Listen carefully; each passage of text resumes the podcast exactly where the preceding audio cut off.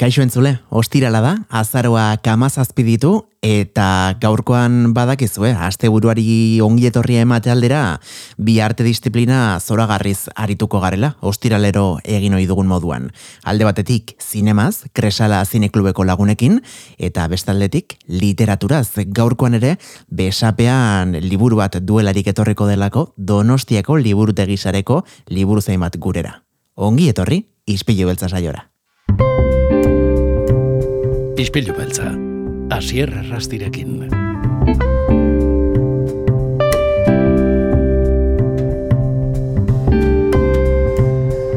Janet Diaz, ongi etorri gure izpilura. Kaixo guztioi, kaixo asier.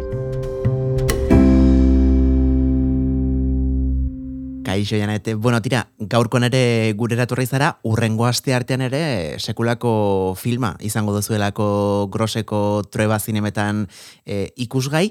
Gainera, mm, ja pixka bat ezagutzen zaitugu, Janet, eta ziur nago, mm, zuri ba, gustatzen zaizun genero edo pelikula horietako bat izango dela. bai, bai, bai, noski, bestela, e, e, e, izango zan arraro, ni ez negotea e, pelikula hemen aurkezten, izango zan arraro, bai. Badaukazu horrela nola baiteko pasioa e, zinema asiatikoarekiko, ez da? Ba, bai, eta oain dela gutxi hasitakoa gaina, eh? Ah, bai, Esango eh? pandemia inguruan ala, hasi nintzen e, ba, asiako filmak ikusten, eta bueno, e, bertako kultura eta aktoreak e, ba, pixkate gertutik ikusten, eta ba, menago. Beste behin, ba, kasu honetan egokoreako film batekin, osea, que, bai, ingatxatu e... nahu Ni ausartzen naiz nahi badezu e, gaztelerazko titulua esatera, baina, baina originala zuk esango dezu, bale? Venga, ba. Gaztelerazkoa justizia para soe. Eta egokorearrez? Bai, e, da eun soje. Ah, bueno, begira ze ondo. Eh, eh, noa, eh? Bizkanaga, bizkanaga, hobetzen noa. Zer jarri dezu, Google Traductor edo horrelakoren bat eh, hauskapena lantzeko edo? Oh, oh, sí. Gero gainera, e, i, mm, pelikula hauek zuek normalean bertxe originalean ikusten dituzue, naiz eta azpidatziak egon, e, etzaizue arrotza egiten, hainbate hizkuntza bueno, ba, ikustea, gugandik desente urruti daudenak? Ke ba, nik uste gainea e, zerbait doblatua ikusten, bikoiztua ikusten dugunean arraro egiten zaigu. Ah, bai. Bai, e, guri kontrakoa gertatzen zaigu, ez? Bikoizte, eta bi, pelikula bikoiztuak ikusten ditugu, noski batzutan, ez? Baina, arraro egiten zaigu da, como, ui, e, zerbait arraro dago, ez? E, utzirazu gokore arrezkan sontan, azpi tituloekin, ero aurreko astean bezala frantsesez azpitilitu azpitilituekin, ez? Baina e, bai, guri arrebes gertatzen zaigu. Nik e, benetan, eh, mm, badauzkate zinemazaleak diren lagunak eta beti galdetzen diet nola, nola den posible zuek garatu duzuen abilezia bat mm, ti, e, azpititulu guztiak irakurtzeko komak barne eta ondoren mm. e, pantalla bar, e, barruan dagoen, kuadro barruan dagoen, detaile txikienean ere, fijatzeko almena. Nik bi gauza aldi berean ez ditut egin. Ezuek nola lortzen duzu hori? Nik uste dut hori muskuloa ere egitea dela, ez? Bai, bai, bai, hori da pelikulak ikusi, pelikulak ikusi, bueno, dokumentalak bai, eta kort, e, laburrak bai, baina, bueno, proiektuak ikusi, proiektuak ikusi, eta proiektuak ikusi. Egia da, kasu bantzutan, e, badaude zuzen batzuk, ero film batzuk, guri ebai kostatzen zaigu lasier, eh? Ari bidez, e, aioain jun zaizu zendaria, baina e, oain dela gutxi e, zin, e, zinemaretoetan e, e, eukideguna, hainbeste da kaidakurtzeko ezin degula bietaragon, baina bai, hori da ikusten, ikusten, ikusten eta ikusten. Claro, e, egia da, bueno, askotan oso mantxoak eta geldoak direla filmak, orduan, bueno, baina beste batzuetan, e, sekulako elkarrezketa eta dialogo luzeak daude, eta hor, hor bai igual, ja galdu egiten zaretela pixka bat. bai, bai, batzutan bitan ikusi behar dugu filma, lehen bizi gauza bateako, eta gero ja besterako. claro, eske guk, eh, zuen mundutik kanpo gaudenok esaten, joe, Eska beste gustatu zait, bi aldiz edo hiru aldiz ikusi detela bizitza osoan zer e, pelikula hau. Eta zuentzako, pelikula bat biru aldiz ikustea da munduko gozarik normalena. Bai, e, gainak, akaso askotan gaina, e, ba, saio bat prestatzeko, ba, pelikula gian bi ero bitan ikusten dugu, eta gero aretoan, ba, e, irugarren aldiz ikusten dugu, gertatu zaigu, ero ikus prestatzen duzu saio bat, eta gero salan, aretoan, e, publikoakin beste behin ikustezu, bai, guri alakoa gertatzen zaigu, eta, eta normal. Beraz, aztertuak ez, super aztertuak eramaten dituzu, eh? E, pelikula guzti hauek, eta hain zuzen da eum so G, hau, ez dakit, em, aipatu duzun azpitituluak irakurtzeko komplikatu horietako baten, ala gustura ikusteko modukoa. E, ez da gustora ikusten da filma, gaina filma bizatitan banatuta dago, bi mhm. pertsona inaguzikin, eta bai, hau oso gustora ikusten da.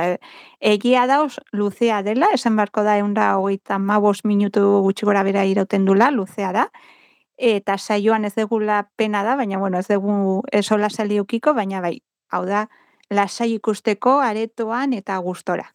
Eta, eta konta iguzu, en, nola da bizatitan banatzearen kontu hori, pelikula bat? Ba, pelikula kasontan e, historia kontatzen du nola e, egokoreako e, neska, gaz, neska gazte bat, ba, bueno, e, praktika batzuk, ero, bueno, lan munduko lehen pausoak emango ditu enpresa baten, eta, bueno, han e, hasiko da ikusten eta bere azalean bizitzen, ba, nolako presioa eta lan postuak e, eukitzen duen estresa eta hainbat e, gauz ezain onak esan beharko dugu. Eta bueno, hori izango da gehien bat e, lehendabiziko partea eta ikusiko dugu ba horrek norantzko bidea eramango dion prota, lehendabiziko protagonistari eta bertan sartuko da gure bigarren protagonista. Eta ez dut spoiler egingo, ze esango dugu ja e, justizia para soje spoiler de xete egiten dula zuten izen buruak, baina bueno, horutziko dugu. Sinopsiak ere bai, eh, Janet? E, bai, e, depende ze zin nosi dakortzen dezuna. Zier gu hor, egin dugu, esan barko dugu, egin dugu la pixka eta apaino. E, ka, es, irakurtzen zu zin nosi, esaz dezu, uff. Claro, ni nago ba, filma finitin eta, ostras, hemen, bai, bai, bai, bai, ia pelikula bai. kontatuta dago. Bai, horregatikan guein dugu horlako apaino polit bat, e, lazitokin eta guzti, e, ba, bueno, jendea ez belurtzeko eta saiora urbitzeko. Ez da zentsura kontua, eh? eta iger stripsekin gertatu zen bezala. Kresalakoek ez, ez, ez dauzkate mm, zentsuraren gura izerik. Baina egia da, ostras, sinopsi batzuetan nik ez dakiz zergatik, baina pixka pasa egiten dira. Eta, mm. e, kasu honetan orduan, bi pertsonai, mm, nola bai, hor parez pare, e, oza, zer lazio dute braien artean, edo nola, nola elkarrelikatzen da, pelikularen lehen zatia bigarren gorekin? Ba, esango dugu, e, spoiler egin gabez, ez da spoiler ez egitea, kalzontan, baina esango dugu ez diela ezagutzen bata bestea. Ah. Bueno, ez dia, pertsonalki esango, eta ez dia ezagutzen pertsonalki. Vale. E, bueno, sorpresatxo bat egongo da hortika, baina, bueno, pertsonaki hola ondo ez dia ezagutzen. Bai, e, bata besteari buruz badakila la de e, bueno, gertakari edo gara bat e, gertatzen delako, baina hola pertsonalki zutan ezautzen gehan bezala, asier, ez dia ezagutzen. Vale. E, aipatu dugu, edo ez dakit, aipatu dugu edo ez, 2008 biko mm, pelikula badela, pelikula garaikidea dela, eta mm, pixka bat mm, irakurrita zeren ingurukoa den e, film egokore arrau, harritu nau nola baitez, azkenean asian, hombre, ez dugu orokortu, baina bueno, orokortze aldera, oso erlazio komplikatua dute lanarekin, ez? E, Beintzate zorionez gure gizartetik oso urrun daude, ordu asko e, ematen dituzte lanean, beste, bueno, ikuspegi bat dute, e, diruarekiko, lanarekiko, eta hemen, ez dakite kritika sozial moduko bat egiten duen kasunetan zuzendariak?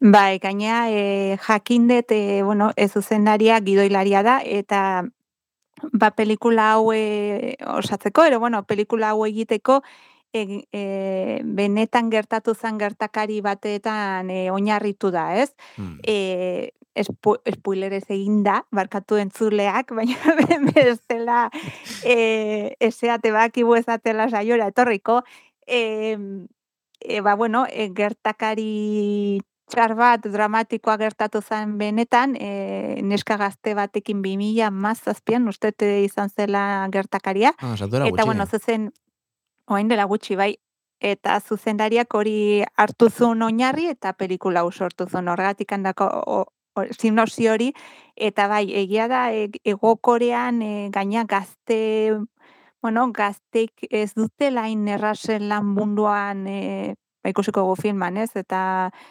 e, ez dakatela hain erraz, ba, pixkat, e, lan munduan sartu, eta, bueno, bere lehen pausoak e, ondo eramatea. Mm, Beraz, nolabait ere mm, gizarteak ez, gai horrekeko duen ikuspegia pixkat zalantzan jartzen du. Zuzendari eta kasu honetan gidoilariak ere bai. Bai, bai, bai, eta nik uste te alako gauzak e, ba, deiaza plastiko bat, ez? E, honetan egokoreako gizarteari, ez? Bertako norbait, e, ba, za plastiko ematen dio, esan ez, bi hau gertatzen ari da gure gizartean eta pantaila handian ipintzen du, ez txikian, handian. E, ala ere, bueno, mm, besteak beste momentuz, lau nominazio jaso ditu, e, ego koreako hainbat eh, zinemalditan. Bai, eta horiek eh, nik uste te gauza ona dela, ez? Nik uste te bertan e, ba, lako filma edo lako kritika egiten duen filmak e, sariak eramatea bere puntua e, bere puntua daka, ez dakit e, bertako gizarteak hasi dan pizkatzea aldatzen e, ba, filman ikusiko ditugun e, gauzen inguruan, e, Mhm. baina, bueno, e, igual esperantza dago, hasi hortikan zerbait aldatzen jotea, bintzat gen gazte gaztentzako. Eta nik ez dakit zer, eh, filmaren inguruan, baina kasualitatea da e, soji emakume bat izatea, ala badu ere zer ikusia historioarekin. Zakit, e, agian neska izatea gehiago e, e, gehiago da presioa eta gehiago da e, estre, bueno, estresa edo, bueno, e, lanean e, dagon presioa, agian igual bai, izan daiteke, ze egia da, gero, e, badago bor pertsonai e, ba, mutil bat gazte bat, eta bueno, ba, beraiek bai badaukate beraien presioa lanean ikusten da zerbait, ez ikusten da baita ere ba, nola daukaten e, ba, e, servizio militar e, joan behar dela egitea, Ah, claro, baina ja. igual, bai, igual e, neskeke badute alako puntu estra bat agian han egokorean e, ba, lanean ba- alako presioa, ez? Emakume izateagatik agian, agian bai. Oraintxe justo galdera egin dizudanean, esan dut, ostras, e, kilik egingo dut zuzendariaren izenaren gainean, ze, claro, Julie Jung, ba, ba nik ezakit gizonezkoa edo emakumezkoa den, eta eta emakumezkoa da, bera. Hmm.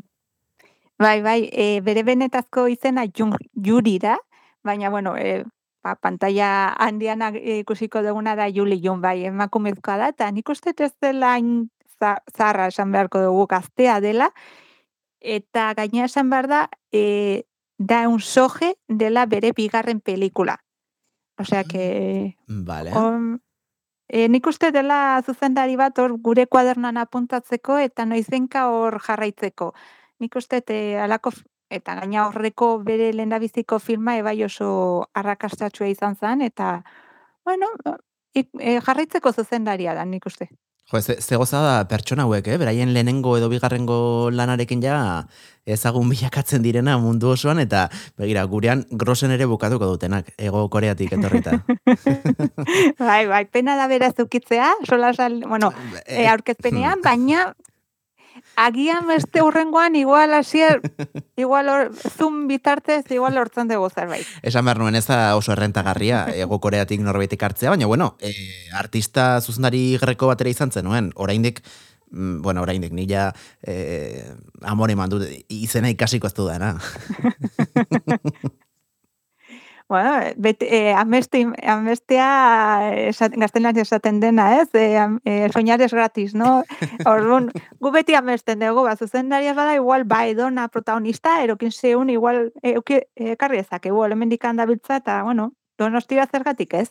Taizu, igual zinemaldiren batean azkenean, ba, zuekin behin baino gehiagotan pasa den bezala, hemen e, kursaleko pantailan dien ikusel izango dugu agian. Ba, gian, zergatikan, ez? E, aipatu dugu pasaden astekoa bai eta urrengo asteko ere bai draman murgildutako filmak direla, e, bueno, ba, honek ere hainbat e, sari irabazi dituena. Zuri hainbeste gustatzen zaizula, mm, bueno, ba, Asia aldeko Asia, eh? Zer hitz egiten dugu Asiaz, eh? Europa baino lau aldiz handiagoa den eh, lurralde txiki batez. Eh, zuri, nongo geografikoki, nongo, nongo zinema gustatzen zaizu gehien? Japoniakoa, Txinakoa? Eh, ba, mira, da katalako top 3 bat, bai. orain goz, eta izango zan lehendabizikoago Korea, Ah, bai. Bigarrena, bai, bigarrena Japonia eta oraingo hirugarrena Taiwan. Ah, begira. O sea que... Baina, bueno, hor nago, Tailandiako gauzak ikusten, eta handik Indiako batzuke bai, bueno, banagoa e, beste lurralde, Asiako lurralde batzetako gauzak ikusten, baina oraingoz hori da nere top 3. Osa, que mm, gehiagin investigatu gabe, mm, imaginatu genezaken nork ekarri duen film hau, ez? Kresalara. bueno, esan beharko da, de, e, ez da niri gustatu, oza, ni ez naiz izan bakarra gustatu zaena, ba, ukatla, nire kirei bai gustatu zaena, baina egia da, e, ba, bueno, e, sola saldiak nork egingo duen, e, ba, etzaiten ari ginenean, hor jarri nintzen ni lehen da bizi, hau orkesteko hori bai, baina filma ekartzeko, e, ba, Nik uste denok esan genuen ipini bar genula bai oain, ero alt genuenean ipini bar genula bai.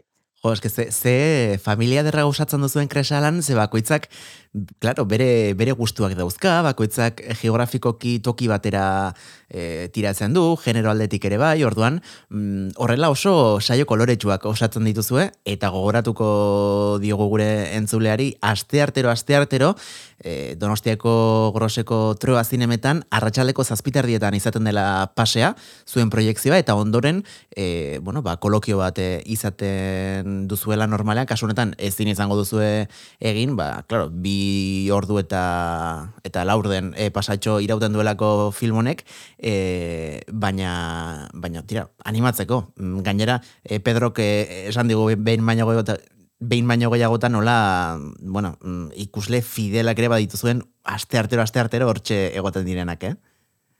Bai, bai, gaina ikusten nahi geha, zigea ikusten ba, jende berria datorrela, jende gaztea, ah, gaina, bai. hori ge, asko posten, e, posten gaitu.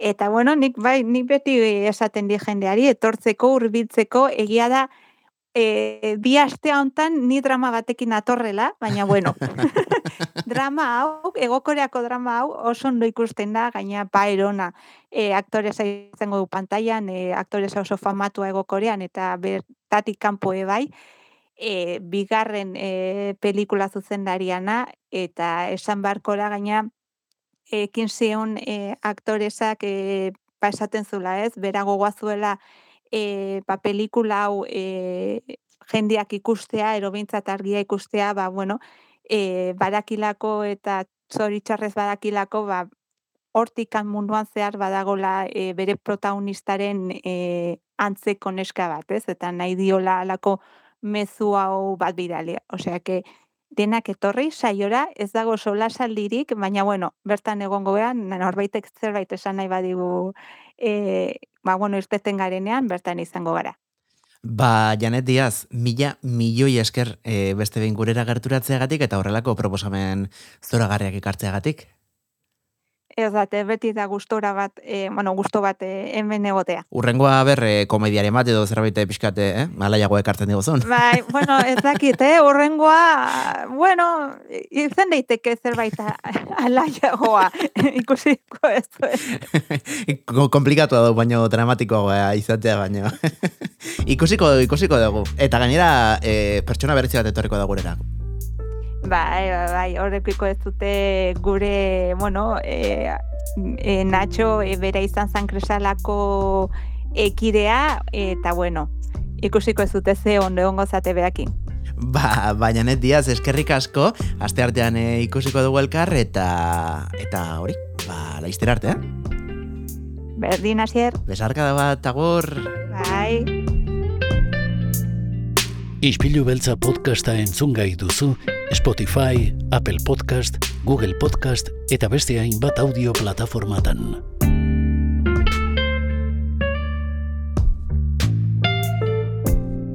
Marisa Hurtado, ongi etorri gure izpilura. Eskerrik asko, Basier. Bueno, ¿qué tal estás, Marisa? Pues muy bien. Siempre que estoy con vosotros me encuentro feliz. Feliz de comentaros las novedades que van llegando.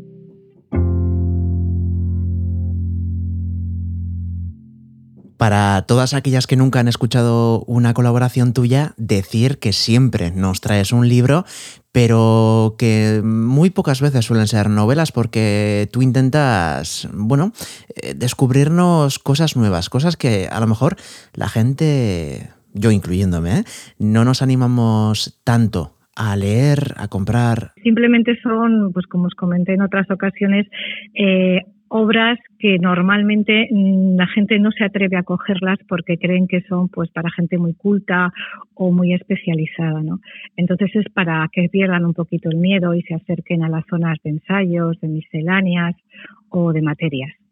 Y el libro que nos traes hoy mm, es este género de, de los ensayos, es algo más científico, pues es, es, un poco complejo el libro que os traigo hoy, que es eh, el, mundo resplandeciente de Margaret Cavendish, porque por una parte es una novela, pero también es una utopía, es decir, hay una reflexión filosófica y también es un libro de divulgación científica.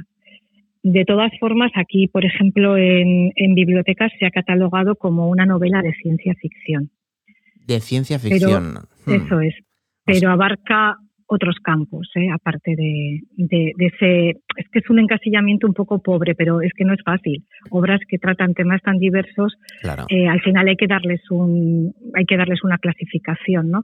Y aquí en bibliotecas está en ciencia ficción, pero también es un ensayo sobre eh, ciertas eh, formas de entender la ciencia en el siglo XVII y también es una reflexión sobre la sociedad de su tiempo, ¿no?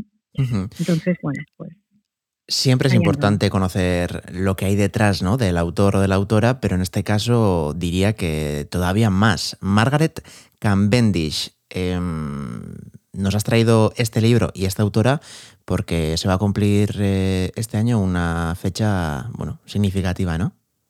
Sí, eso es. Es el 400 aniversario de su nacimiento y es una autora que ha estado muy oculta hasta prácticamente el siglo XX y ahora se ha revitalizado mucho en Inglaterra y como consecuencia de este aniversario también se han empezado a traducir sus obras al castellano. Eh, me contabas fuera de los micrófonos que que es una científica que ha estado completamente en la sombra, ¿no? Eh, incluso casi casi aquellos años en los que ella vivió, eh, pero es verdad que aunque hoy en día nos parezca prácticamente una aberración, ella consiguió mucho más de lo que consiguieron otras mujeres en su época. Pues esa es la verdad eh, y la verdad viene unida a que las mujeres que en estas épocas eh, consiguen eh, salir adelante en mundos que son eh, simplemente para, para hombres, tiene que ver mucho con su, digamos, con su nivel económico. Si tú tienes independencia económica, realmente te pasas todas las normas que hay en la sociedad, te las puedes pasar por encima y Margaret Cavendish es de duquesa de Newcastle, tenía una inmensa fortuna y además su marido, el duque de Newcastle, la apoyó siempre para la publicación de sus obras, ¿no? Entonces, bueno, lo tuvo más fácil en ese sentido, pero también tuvo que aguantar muchísimos insultos, eh, una divulgación de sus obras a veces eh, con muy mala, con muy mala idea, ¿no? Y ella en su casa hacía tertulias con científicos importantes de la época y con filósofos, pero también había muchos científicos y filósofos de la época que no aceptaban ir a su casa porque la consideraban una persona que no estaba bien de la cabeza, una loca. Y, también tiene historia con, la Royal Society de, de, Londres, ¿no, Marisa? Pues sí, es la primera mujer que, que consigue entrar en la Royal Society de Londres, pero con una condición, es que ella podía escuchar lo que allí eh, pasaba o ver los experimentos que allí se hacían, pero tenía prohibido dar opinión. Es hasta 1945 cuando entra ya la siguiente mujer, ya como científica, ¿no? Que puede opinar y puede hacer lo mismo que los hombres. Pero mm, Margaret Cavendish sí que pudo ver cómo se hacían los experimentos, escuchar las disertaciones, pero tenía prohibido hablar.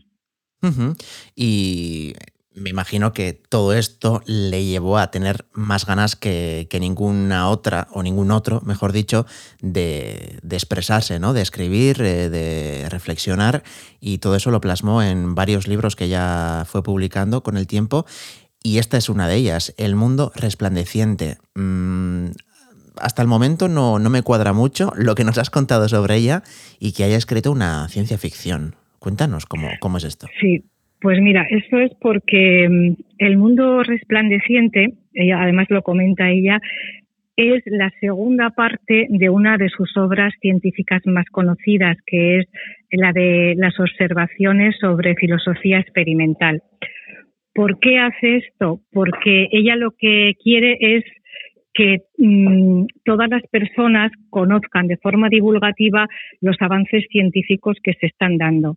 Entonces, ella en esta obra mm, científica, mm, digamos que está escrita solo y exclusivamente para, mm, científicos y eh, decide escribir El mundo resplandeciente en forma novelada, en forma de utopía, eh, pues para que las damas de cualquier eh, situación económica puedan acercarse al mundo de la ciencia. Eso lo dice en el prólogo. Es una obra que escribe para damas de cualquier condición y ahí ya podemos hilar también con su faceta feminista, ¿no? Que, es muy potente.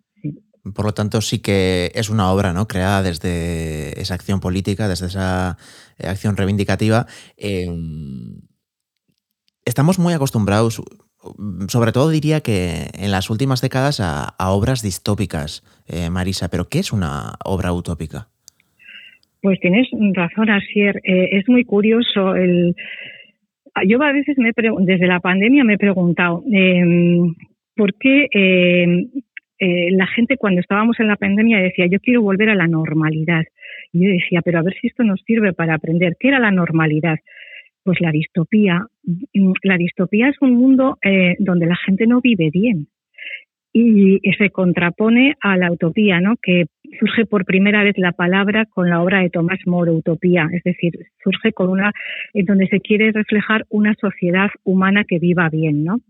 Entonces, eh, es curioso que mm, la utopía que surge, eh, esta obra surge en el siglo XVI, la de Tomás Moro, eh, no, la palabra distopía, o sea, la, la contraposición a utopía tarda 300 años en aparecer ya como, como una palabra de uso normal y la empieza a utilizar otro filósofo que es John Stuart Mill que habla de las distopías de la sociedad. Y yo muchas veces me pregunto, dices, ¿cómo viviendo en la, en la distopía no hemos sido capaces de crear esa palabra hasta hace prácticamente un siglo, un siglo y poco, ¿no? Entonces, bueno, es muy curioso porque vivimos dentro de la distopía, no la reconocemos, y la utopía, las utopías sirven para, para comparar, ¿no? Y para ver que puede haber otros mundos, otros mundos mejores, claro.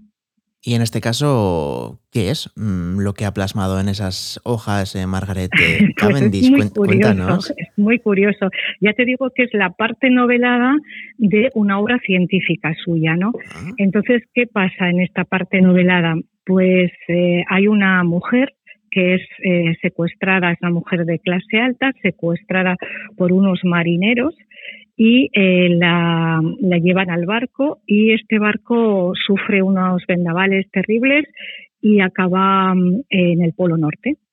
Y eh, como consecuencia del frío muere toda la gente menos pues la chica esta que está secuestrada, ¿no? Y entonces vienen a rescatarlas unos extraños seres que viven en esa zona que son em, animales, pero también son animales parlantes, son como hombres eh, con forma de animal, ¿no? O sea, con a dos patas y pueden hablar. Y la confunden con una diosa y la llevan al emperador. El emperador se, se enamora de ella y cuando se da cuenta de que es, eh, de que es humana, eh, pues se casa con ella.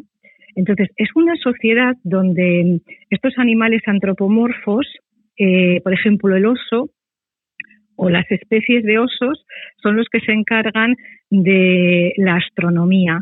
Eh, los hombres mosca y los hombres mariposa son los que se encargan de investigar el mundo vegetal. Eh, los hombres gusanos son especialistas en el mundo de la geología, ¿no? Entonces ella, como se casa con el emperador de este mundo resplandeciente, se convierte en emperatriz y adquiere el poder absoluto mucho más que el de su marido. Entonces lleva a la corte a todas estas especies y estudia con ellas y aprende de ellas y organiza un sistema de conocimiento en, esa sociedad. Entonces, eh, ella tiene poder absoluto también para que todo el mundo pueda estudiar y pueda conocer la realidad.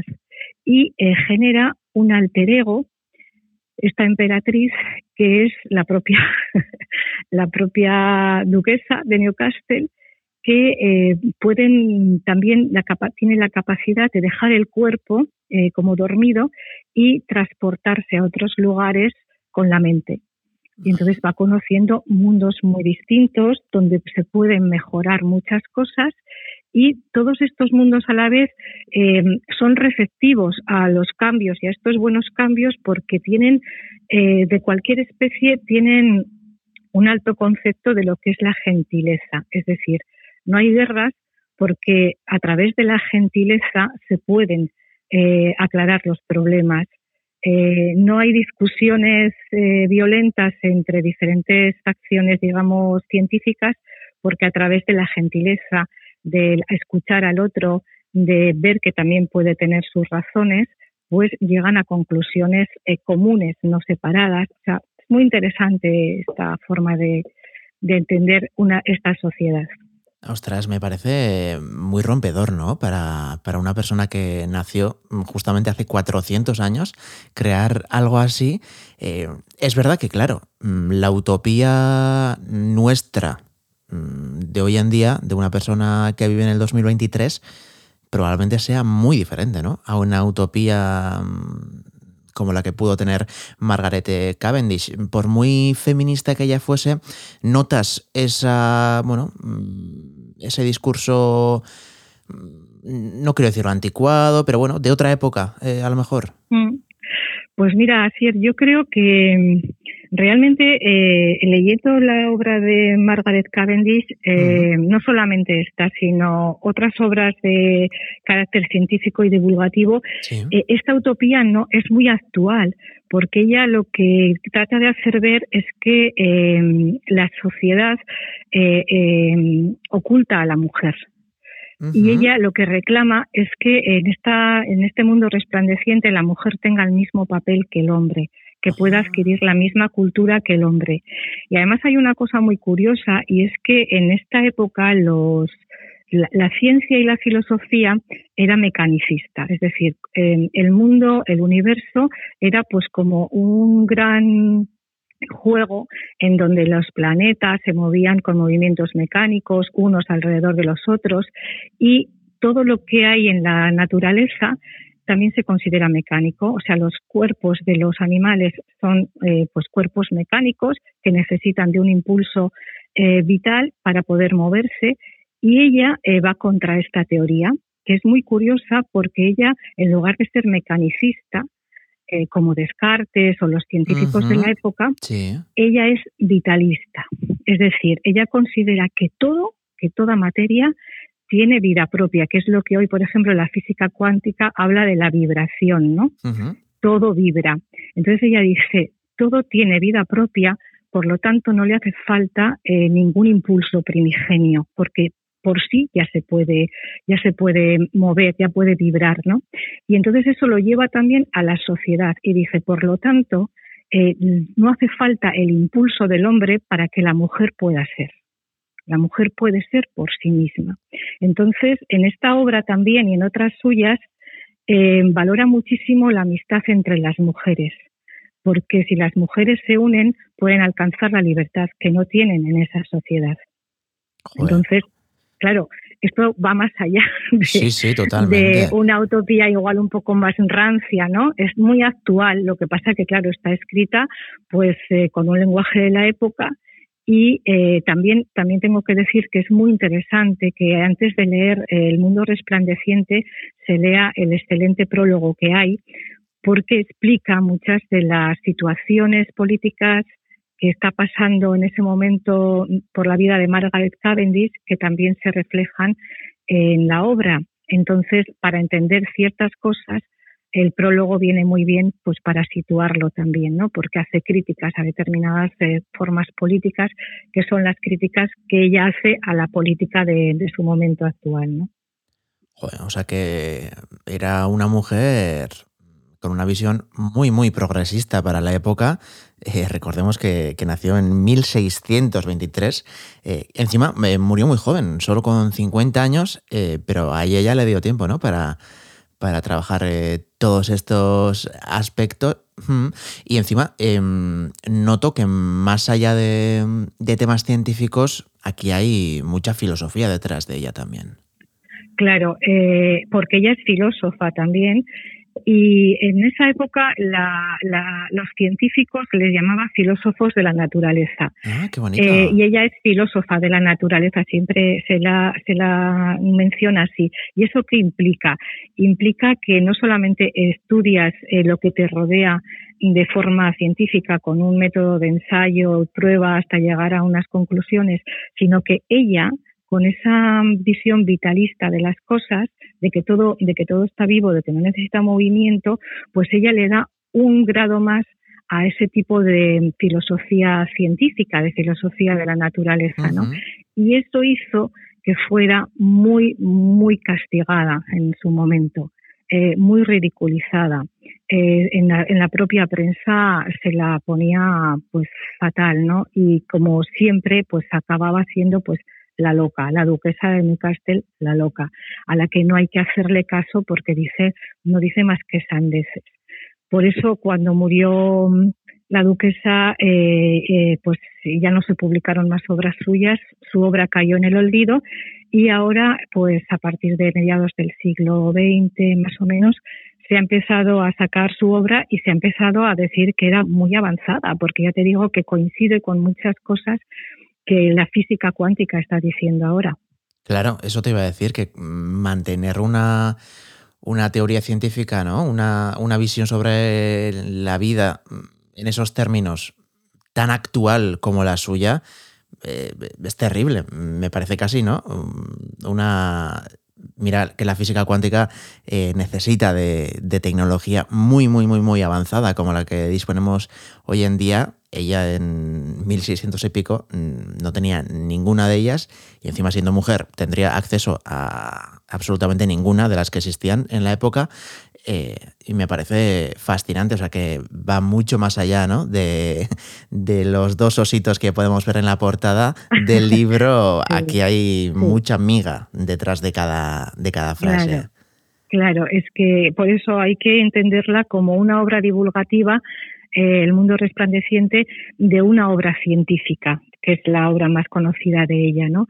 Y sí que hay, hay mucha amiga. Eh, lo que pasa que si tú lees El mundo resplandeciente tal cual, eh, pues te quedas con una utopía. Por eso mm. te comentaba que es muy interesante leer el, el prólogo, que es extenso y muy bien escrito, para contextualizar por qué ella reclama ese tipo de utopía, ese tipo de necesidad de que las mujeres tengan voz en esa sociedad, de que tengan acceso a la cultura y sobre todo valora por encima de todo la amistad entre las mujeres de toda condición, porque si las mujeres están unidas se puede alcanzar la libertad.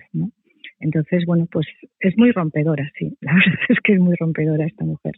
Joder, te, iba a hacer un par de preguntas más, pero yo creo que con esta frase tan redonda eh, podemos ir finalizando. Eh, me ha encantado y tengo muchísimas ganas eh, de leer este libro. Me voy a pasar hoy a la tarde por, por una librutería por ella. El mundo resplandeciente de Margaret Cavendish y, más obras también que, tenéis a vuestro alcance eh, por recomendación de Marisa Hurtado. Jo, Marisa, de verdad una gozada tenerte una vez más por, por estas frecuencias.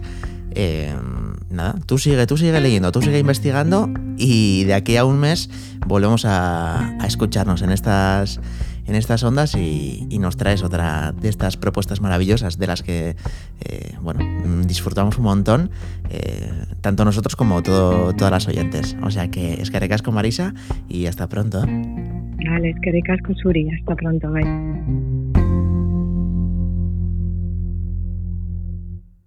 Ba, tira, gaurko bi kolaborazio zoragarri hauen ostean agurresateko ordu ere iritsi zaigu. Datozen bi egunetan atxeden hartzeko tartea izango dugu guk, baina astelenean hementsa izango gara, eh? goizeko seiretan podcast plataformetan eta zortziretatik aurrera Donostia Kultura irratian, eunda zazpi puntu lau FM-an. Orain, agurresateko badakizuen, durangoko azoka ate joka dugunetan, bueno, ba, kantuak ekarreko dizkizuegula. Estudio estudiotik atera berri diren kantu hoiek. Gaurkoan, bueno, ba, album baten aurrerapen kantua, singela, txuma murugarren artistaren kantu bat, eman du izena, eta espero dugu, laister bere diska berriarekin, zur eta lorroztea danok. Astelen arte, agor.